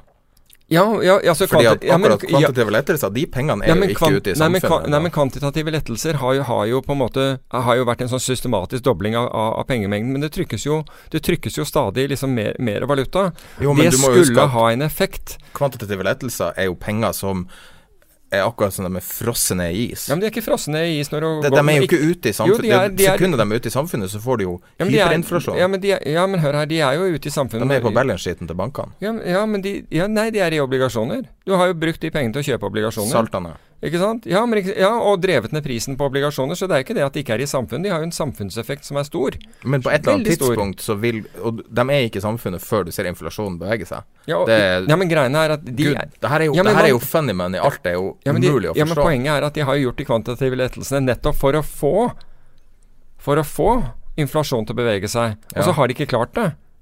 Det er jo det skremmende biten med dette. her. Du har liksom inflatert pengemengden herfra til månen. Ja. Uh, gitt, gitt samfunnet billig funding. Gitt selskapene billig funding, og allikevel så, vi så, har vi ikke klart å, å, å, ta den og altså, Du har inflatert boligpriser i, i enkelte steder i verden, men du har litt, på en måte ikke Og, og, og aksjekurser, men, men, men du har ikke inflatert veksten i, i noe særlig grad. Du har fått litt bedre nå, men det det er lite. Man kan jo si at det er vellykka fordi at man ikke hadde en, en depresjon. Du kan si det er vellykka for man ikke hadde en definisjon. Ja, Depre- ja, men, altså, jo, ja, depre, eh, dep, ja, ja, ja, depresjon. Ja, Altså, ja, det er jeg enig i. Det- Det man prøvde å forhindre, var jo ja, det kan, jeg, det, kan, det kan jeg være enig i. ti år senere nå. Det kan jeg være enig i, men, men de hadde allikevel et mål for inflasjon, og den er jo ikke i nærheten av. Altså Japan har jo 2% inflasjonsmål. Lykke til med det. Men vi, er vi er jo helt enige om det her. Altså. Eh, kvantitative lettelser er manipulasjon, og hele greia er Altså, alt er Mm, mm. og det er helt fucked up. Og, og det er på en måte Det var det når jeg skrev tema til deg, når jeg skulle oppsummere Vi hadde snakka på telefonen og fant fram temaet, og så skrev jeg tilbake til deg på Facebook, og da skrev jeg at det folk investerer i når alt er fucked up Fordi at hele verden er fucked up nå på Mm. grunn av kvantitative lettelser, så er alt skrudd på hodet. Det er ting som, Ja. som før ikke korrelerte, korrelerer Mm. nå Ja. ting som Det her er selve oljen i maskineriet, egentlig tannhjulene i maskineriet, som nå er snudd, eh, som går i takt eller i utakt, eller Hele greia er så På et eller annet tidspunkt så må det her korrigeres. Det er, natur, det er Ja, ja. Ja, som det er blir holdt enig. tilbake. Altså, alt du har gjort, er å utsette altså, Dette eksperimentet her har jo aldri vært gjort. Altså, Finanskrisa er ikke over, det er det som er poenget mitt. Finanskrisa kan ikke være over, fordi at man har bare stoppa den i ti år, eller åtte år. Ja, altså vi har gjort ting Altså noe har, har skjedd, men, men poenget er at altså, når du skal reversere dette her altså Vi, har- vi har et, nå et, et pengepolitisk eksperiment som vi aldri har gjort tidligere. Vi har aldri Altså ikke på global basis, det har aldri vært gjort. Og vi vet ikke der- Dermed vet vi ikke utfallet av den. Og det du ser er at hver gang det blir litt usikkert i verden, så stepper sentralbanken inn, for de tenker at å gud, ikke nå. I kveld. I, i, ja, ja. I kveld er det Jackson Hole. I kveld er det Jackson Hole. Og, og, og du spurte meg tidligere hva tror du om Jackson Hole, og, og det jeg tror er midlertidig volatilitet. Jeg tror det blir high frequency trading-muligheter. rundt eh, klokken fire og eventuelt klokken ni i kveld. Ikke sant? Klokken fire har du gjelden, og klokken ni Nå snakker vi norsktid. Og klokken ni i kveld så har du Draghi, så du kan bli volatil... Men jeg lurer Jeg må jo si at Draghi, som da velger å snakke etter at de europeiske markedene har stengt, er, er noe som jeg tenkte Er det tilfeldig? Um, eller er det bare en random taleliste her? Men, eh, men det blir nok noe Altså, at de skal si noe som sender verden ned i et svart hull, det har jeg vondt for å tro. Ekte, altså, den tida der de Altså, jeg kan ikke forestille meg at det skjer noe der. Alt som var regler, altså i 2009-2010, der man satt og fulgte med på sentralbankene, den tida er jo over, altså. De må jo bare De er Men, jo men, all men, in men for brått vender vi tilbake til det. Men, men du kan si at hva er mine forventninger? Min forventning er at du får Altså, du, litt, du har hatt litt volatilitet i markedene i dag. Altså, jeg så litt i, i valuta på på morgenen, men altså eh, Sett med vanlige øyne, altså de flestes øyne, så har de ikke sett at det har beveget seg i det hele tatt. Men i hvert fall i litt sånn Litt mer, mer kort Altså sett fra en traders ståsted. Så har det vært litt bevegelse. Um, men, um, men jeg tipper at det blir noe utslag rundt, rundt uh, de klokkeslettene. Men det er utslag som high frequency eh, trading kan eh, kapitalisere på, og jeg tviler sterkt på at, at andre får noe særlig ut av det. Jeg leter etter noe til det. Hva nå? Så, så, så, um, det fins en Jeg vet ikke om folk bruker Reddit noe. Vet du hva Reddit er for noe? Ja, jeg har sett det bare stå stille. i- i- Det, det blir kalt forsida av uh, internett. Oh, really?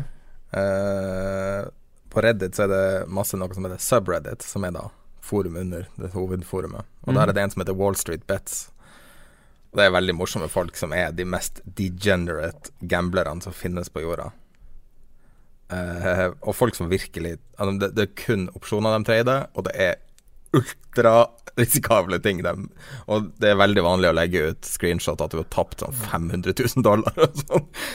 Utrolig morsomt, fordi det er helt sånn surrealistisk eh, miljø. Men det er interessant. Jeg tror du hadde likt det. Og der var det noen som la ut en, en sånn en gif av en person som nettopp eh, Nettopp har gått long eh, VIX. Men Jeg skal fortelle deg apropos Men du, apropos vi- eh, Vixen, jeg vet ikke om det der frem, Vi har jo snakket om det tidligere, og Ja. folk kan jo spole seg til Eller ikke spole seg til, men se på tidligere episoder når vi, når vi snakker om Vixen.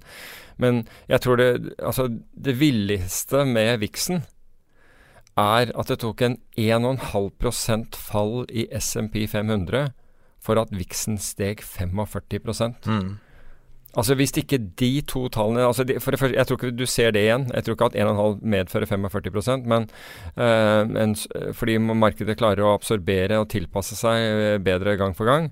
Men det, forte- det forteller liksom om grensen av galskap her. Altså 1,5% det medfører en sånn frykt at det sender viksen opp 45% da, Men jeg hørte for, øh, på noe annet her, her forleden, og da var det var nevnt at uh, det var noen som prøvde å knekke koden Vi, vi snakket om sportsbetting i sted, men det, dette var noen som prøvde å knekke koden i uh, det, å, å, knekke, å, å, finne et mønster i, i rulett. da. Mm. Og det, det, har jo folk gjort. Ed Thorpe var jo en av de som, som gjorde det. Altså rett og slett ved at uh, ruletthjulet kommer i en form for, for uh, ubalanse. Um, men i hvert fall så, de, så da var det noen Det var noen journalister som hadde da samlet inn data på, på utfall på ruletten, altså rødt og svart. Ikke sant? Så de hadde sittet og, og, og, og sanket inn eh, data på det, og par og ikke-par osv. Og så knuser da disse, disse kvantene de knuser disse dataene, og ser at her er det faktisk veldig bra mønster. Her er det faktisk noe å gjøre. Så de iverksetter, da, de lager en algoritme for det, og det er ikke i nærheten, de får ikke i nærheten disse resultatene. Så går de tilbake til disse journalistene og spør liksom hva gjorde dere for å hente inn dataene? Og da viste det seg at de journalistene veldig, veldig tidlig hadde syntes det var dritt kjedelig å sitte der og notere rødt og svart og par og ikke par. Så de hadde sittet i baren og funnet på hele tidsserien. Så, så, det gjelder å på en måte vaske dataene dine litt og finne ut hvor, det, hvor kommer disse, disse dataene faktisk fra. En dårlig sånn random number generator. ja, er, ja, er, ja, den er random, men den er på en måte motivert av noe annet enn uh, den, den, ble sterkt påvirket av uh, alkoholnivået. Men det fins faktisk en måte å um, En måte Du kan vedde på soner på, på uh, rulett. Ja. Hvis du er Det fins et eller annet mønster du kan i det Jeg tror de brukte Jeg vet ikke om de brukte laser, eller om de faktisk brukte øynene men du kunne vite i liksom segmentet det kom, kula kom til å falle på, ja, og ha dramatisk bedre odds. Hvis du, hvis du kan predikere hastigheten til kulen som Ja, den hadde de regna seg fram til. Det, ja, ikke sant, men en, en, altså, den er jo ikke Altså, da må du se på den aktuelle krypieren, ikke sant, fordi de har forskjellig utgangshastighet, disse gutta, ikke sant, Med, fordi de skyver jo den kulen, ikke sant. Men det, men det betød noe. De, de klarte faktisk å, å, å, predikere. Men så hørte jeg en annen en hvor, hvor, uh, som også gikk på, på, hvor de hadde da regnet ut hvor dette her skulle være. Og da, men så prøvde de i, i, i praksis, og så virket det ikke. Altså de fikk jo ikke noe til å stemme når de da prøvde. Uh, og så viste det seg at årsaken var at en litt fyldig person, for å si det på den måten, lente seg på bordet. så, så hjulet tippet bitte lite grann, og, da, og, og ødela alle oddsene. Men Ed Thorpe satt jo der med, med, med et, et, apparat og, og, og festet til benet, tror jeg, og teipet det til, til benet. Og, og, noterte hva uh, ruletthjulet han, han, knakk faktisk koden på det, men han ble jo utvist fra, fra samtlige kasinoer. Og ifølge, ifølge han, jeg hørte han uh, snakke i, uh, i, Miami i år uh, Fascinerende faktisk var sånn der by the By the Fireplace-foredrag. Uh, var virkelig bra. Det var virkelig bra. Han, han har jo skrevet han har jo skrevet bøker om gambling, men også denne kom han ut med en bok jeg, jeg tror den kom i tidligere år, og den bør folk lese, som heter 'The Man for All Markets' av Bedthorpe. Uh, men, i, men uh, der kjørte de fra et kasino en dag, og plutselig så virket ikke bremsene på bilen. Så don't mess with the guys in Las Men det var 70-tallet? ja, det var, om det var 70- 80-tallet, men uh, Nå er det jo Men jeg, eh, altså, jeg har en annen historie derfra, og det var, det var to karer som møtte hverandre i, uh, i uh, militæret under Vietnamkrigen. Begge var svært kvantitative. Um, og de bestemte seg for å, å, begynne å gamble. Og hvis du har den der boken som er om disse MIT-studentene, ikke sant, som gjør det Ja, den der. Altså, han forteller meg denne historien ti år før den filmen kommer ut. Og den er omtrent identisk med det med, med, hva som skjer i den historien. Bare at de ble ikke banket opp. Altså det som skjedde ja, Var han en av de MIT? Nei. Altså den, den der MIT-historien, den er som, omtrent som om Altså om noen har hørt storyen til han her Han heter Lester Loops for øvrig. Um, om noen hadde hørt historien hans og så laget denne MIT-storyen.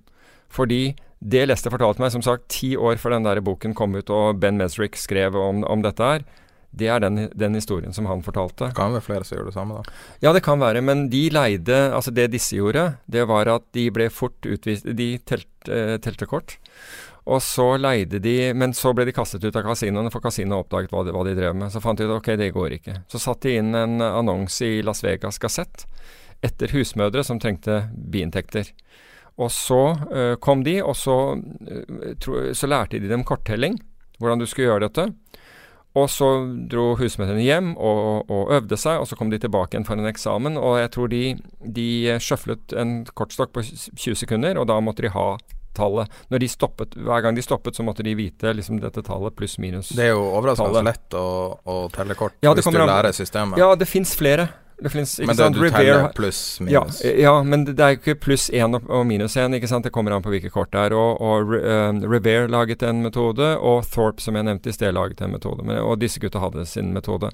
I hvert fall, summen av dette her er at uh, de får da en, en gruppe med, med husmødre som, som, da går inn i kasinoene og og da fysiske tegn som de skal gi, altså sånn trekke i øreflippen, da, da begynner kortstokken å være og, og, Ja, å se bra ut, ikke sant, for deg. Og så hva hva er å se bra ut? Jo, det vil si at eh, det meste av de små kortene er borte.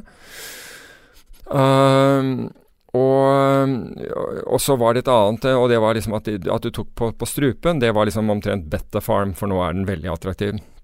Så Lester og hans, uh, hans uh, kamerat Blair, som da senere starter noe som heter uh, Hull Trading, det er Blair Hull vi snakker om, som ble en av de store opsjonsforetakene i, i USA.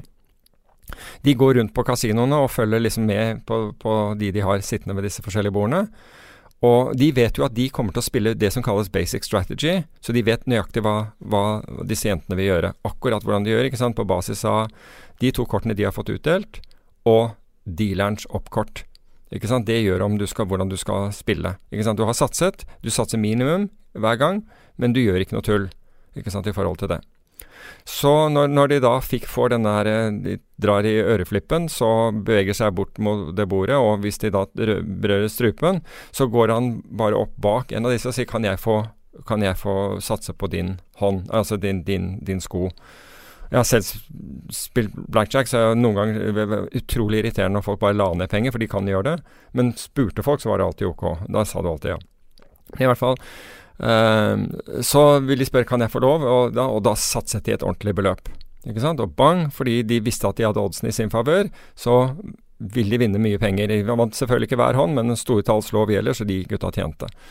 Og det ble en kjempebra inntekt for dem. Og så var det en kveld hvor de forlot kasino hvor de gikk ut, og da sto Vinnie og Carmine og ventet på dem. Altså fra med, kasino? Ja, altså karer med, kar med brukne neser og, og, og, og blomkålører. Og de var bare rett inn i en van, og så kjører de ut i ørkenen. Og de gutta er helt overbevist om at de vil bli tatt livet av. Ja. Kjører ut, ut uh, i ørkenen, og så stopper denne vanen, og så blir disse marsjert ut i selve ørkenen. Og der er det to graver gravd. Og der står de der sånn, og så sier han ene, at uh, han som står bak dem, at uh, dere har lært oss noe vi ikke har sett før. Altså, gratulerer. Liksom det, det, dere gjorde, var, var, var, faktisk smart. Vi har lært noe. Og her er forslaget vårt, fordi vi lærte noe nytt. Og det er at dere kan nå enten dra tilbake til Las Vegas og, da, og, og pakke sakene deres, og vi ser dere aldri igjen, eller vi fyller disse her med dere. Hvis vi ser dere i Las Vegas i morgen, så blir turen ut her veldig kort. Så står de der, og, og de er, det er helt stille. Og det neste disse gutta hører, det er at bilen starter og gutta kjører. Så det, har ikke blitt sagt noe mer enn dette her. De hadde ventet ikke på noe ja eller nei. Bare satt seg inn i bilen, disse her, og kjørte. Og så sier Lester altså det tok dem halvannen time eller noe sånt å gå tilbake til Las Vegas, og i, i løpet av denne tiden så står solen opp. Og, og, som han sa, og det var veldig bra at solen sto opp og det varmet, for da tørket benklærne våre. Fordi de, trodde altså, de hadde begge rolig Altså, de trodde de skulle dø og Akseptert sin skjebne. Ja, aksept, akseptert sin skjebne. Så de dro da til motellene sine og pakket, eh, pakket sammen og dro. Og Isteden så startet de da hva som skulle bli en av de mest suksessrike opsjonstradingforetakene i USA. Marketmaker-foretakene i USA. Hva heter selskapet igjen? Hull Trading, men det ble kjøpt av en bank senere. HUL. Så de er milliardærer nå, skal man tro. Ja, Blair er nok det. Sikkert det. Leicester forlot det og flyttet til London og Ble solgt til Goldman Sachs for ja, 531 millioner dollar. Så de er milliardærer i norske Ja kroner. da. Så, jo, men, men jeg tror uh, Leicester hadde forlatt når, når, når selskapet ble solgt. Og sist så øh, hadde han en leie Han bor i øh, Palo Alto og har en fantastisk flott beachhouse i Santa Cruz, på, på toppen av klippene i Santa Cruz, og en Arts and Craft-hus der. Um, og, og har en leilighet i London. Så de, de har det godt, de der gutta. Men, men, uh, men de, de var på en måte de originale korttellerne, og nå, de, nå driver disse gutta innenfor high, high frequency og den type ting. Vet du hvordan trade er snakk om som han ble kåra til the, uh, en av de the 40 greatest trades of all time? Vet du hva det kan være? for det? Nei. Nei, jeg vet ikke heller. Jeg bare spør. Nei uh... Han fikk den premien. Jeg prøver å finne ut hvor mye han er Å, Oh, Blair Hall? Oh, Ja. Ok, ja. Um, nei, uh, jeg vet ikke hva det var, men jeg tror jeg har sikkert gjort noen av the 40 worst i min tid. så, men, men, det er, men, det er, ofte så er det mer det er, det er mer morsomt, eller ikke morsomt, men det er mer nyttig å fortelle om når du har virkelig gjort det dårlig. Uh, fordi uh, feilene dine kan gjentas, men av og til når du har hatt suksess, så er det mulig å gjenta fordi det var, var et vindu i tid som var åpent, og du klarte å utnytte det. Tilfeldig eller ikke. A lot of holes in the desert. And a lot of problems are buried in those holes. Except you got to do it right. I mean, you got to have the hole already dug before you show up with a package in the trunk. Otherwise, you're talking about half hour, 45 minutes to dig it. And who knows who's going to be coming along in that time. Before you know it, you got to dig a few more holes. It oh, could be here fucking all night. fucking night. Det var det jeg tenkte på når du fortalte historien. dette må jo være enten Robert De Niro eller Joe Pesci eller et eller Joe annet sånt. Pesci, ja. Det var det, ja. Her er, Jeg fant fram til det bildet, jeg skal legge det ut. Her er en som har kjøpt Vix. Ser ut som Willem Dafoe. Det er William Defoe. Og det er det. Jeez, I'm on a roll. Nei, men um, da har vi en time og et kvarter inn i de sinnssyke tingene folk kjøper når alt blir fucked up. Ja. Er eh, Jo, men eh, altså, jeg tror jo det der at du leter etter avkastning utenfor liksom, de tradisjonelle markedene, det tror jeg kan være eh, liksom Det kan være en inspirasjon for noen å, å faktisk finne den. Altså å gå der hvor alle andre går, og gjøre det som alle andre gjør. Ja. You a doer or a follower? Og for deg så er det algoritmisk trading.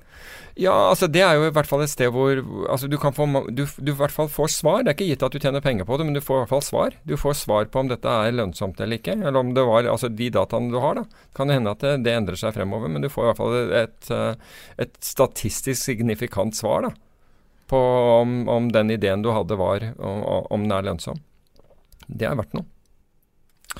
Da tror jeg vi avslutter nå, og så tror jeg vi legger ut episoden med en gang, bare for å ha gjort det. Siden vi refererer til tida før Jackson Hall-resultatet kommer ut. Så. Og så avslutter vi med en liten samtale med Erik Hansen fra IG Markets. Jeg vet at eh, IG har et sånn algoritmisk system, sånn at du i praksis kan gjøre det samme som Peter gjør. Kanskje ikke like raskt, men du kan definitivt gjøre det samme. Ja, absolut. Uh, via IG så kommer man uh, i kontakt med ett program som heter Pro Realtime. Uh, det är inte vårt egna program men vi har samarbete med dem så att man kan handla via dem. Det är en analys och handelsapplikation där man kan då kan bygga upp eh, automatiska tradingsystem.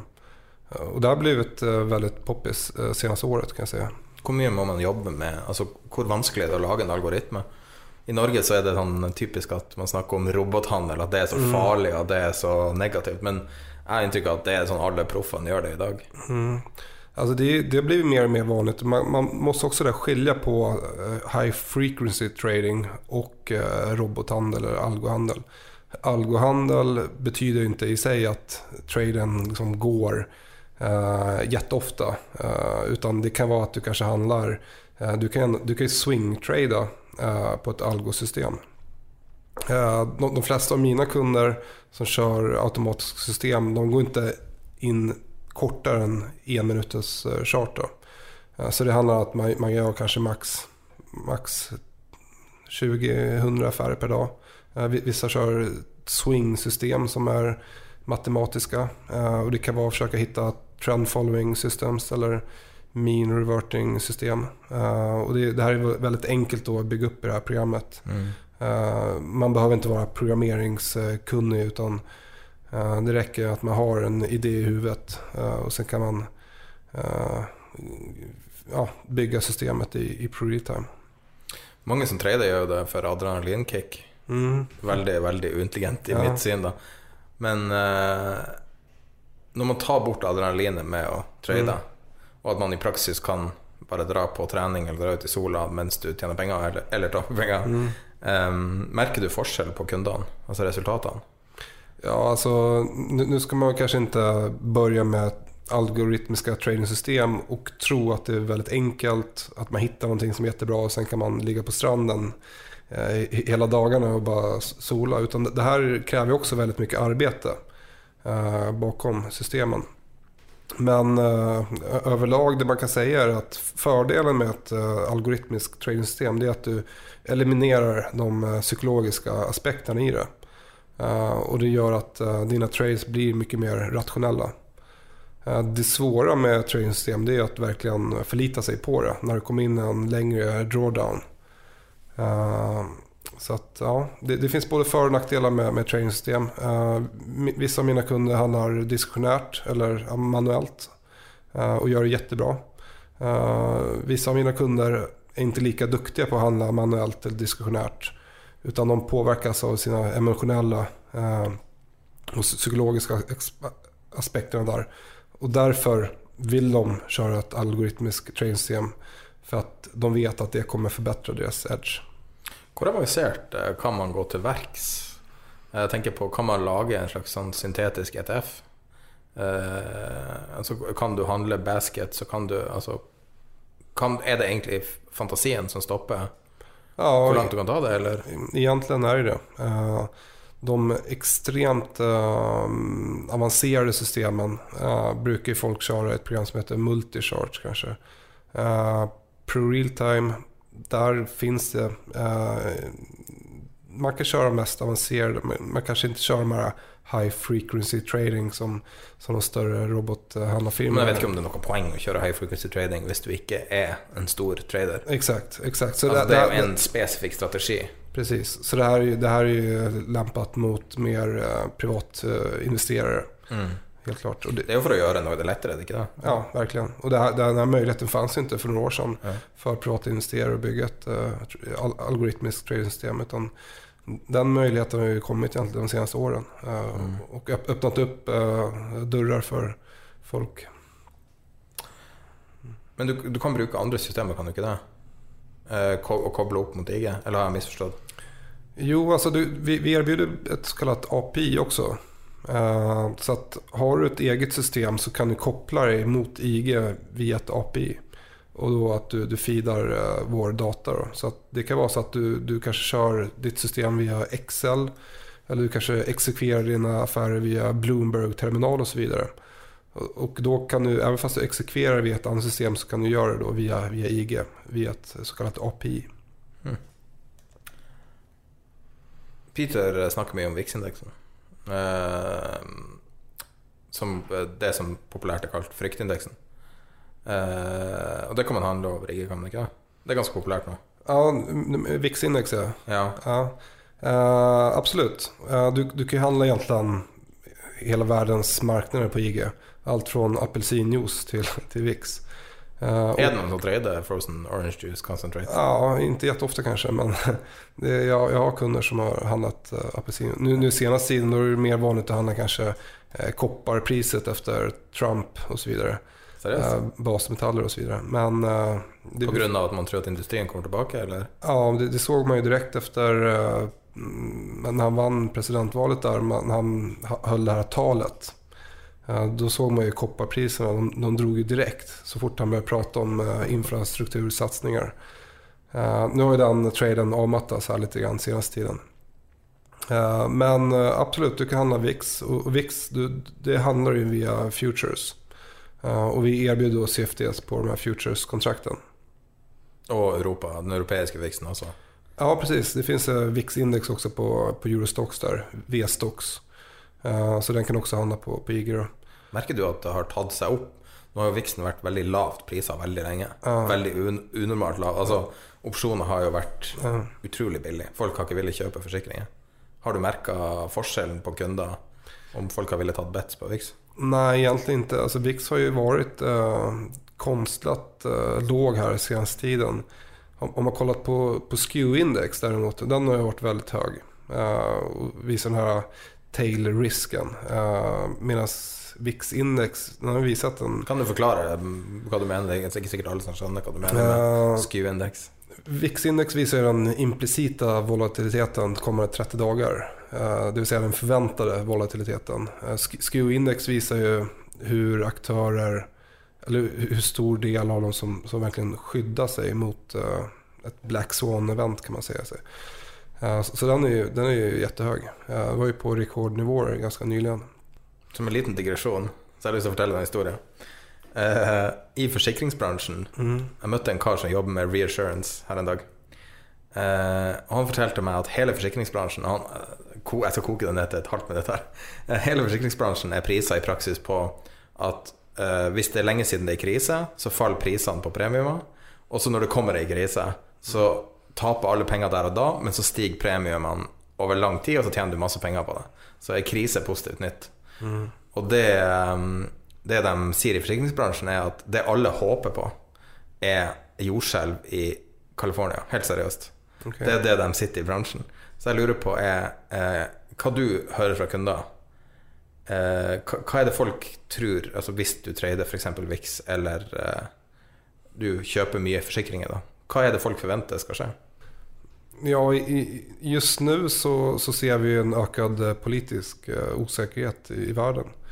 Eh, vi ser ju Trump som vann presidentvalet. Vi hade ett Trump-trade, uh, stärkt dollar, stärka, stärkta råvarupriser, uh, koppar, basmetaller och så vidare. Så det finns många orosmoment här. Men framförallt så är det många som är oroade över den höga värderingen i USA. Eh, och det ser man också bland, bland mina kunder då, som är väldigt frestade att försöka eh, betta emot eh, USA-marknaden och och shorta. Da sier jeg takk til Erik Hansen fra IG Markets. Tack.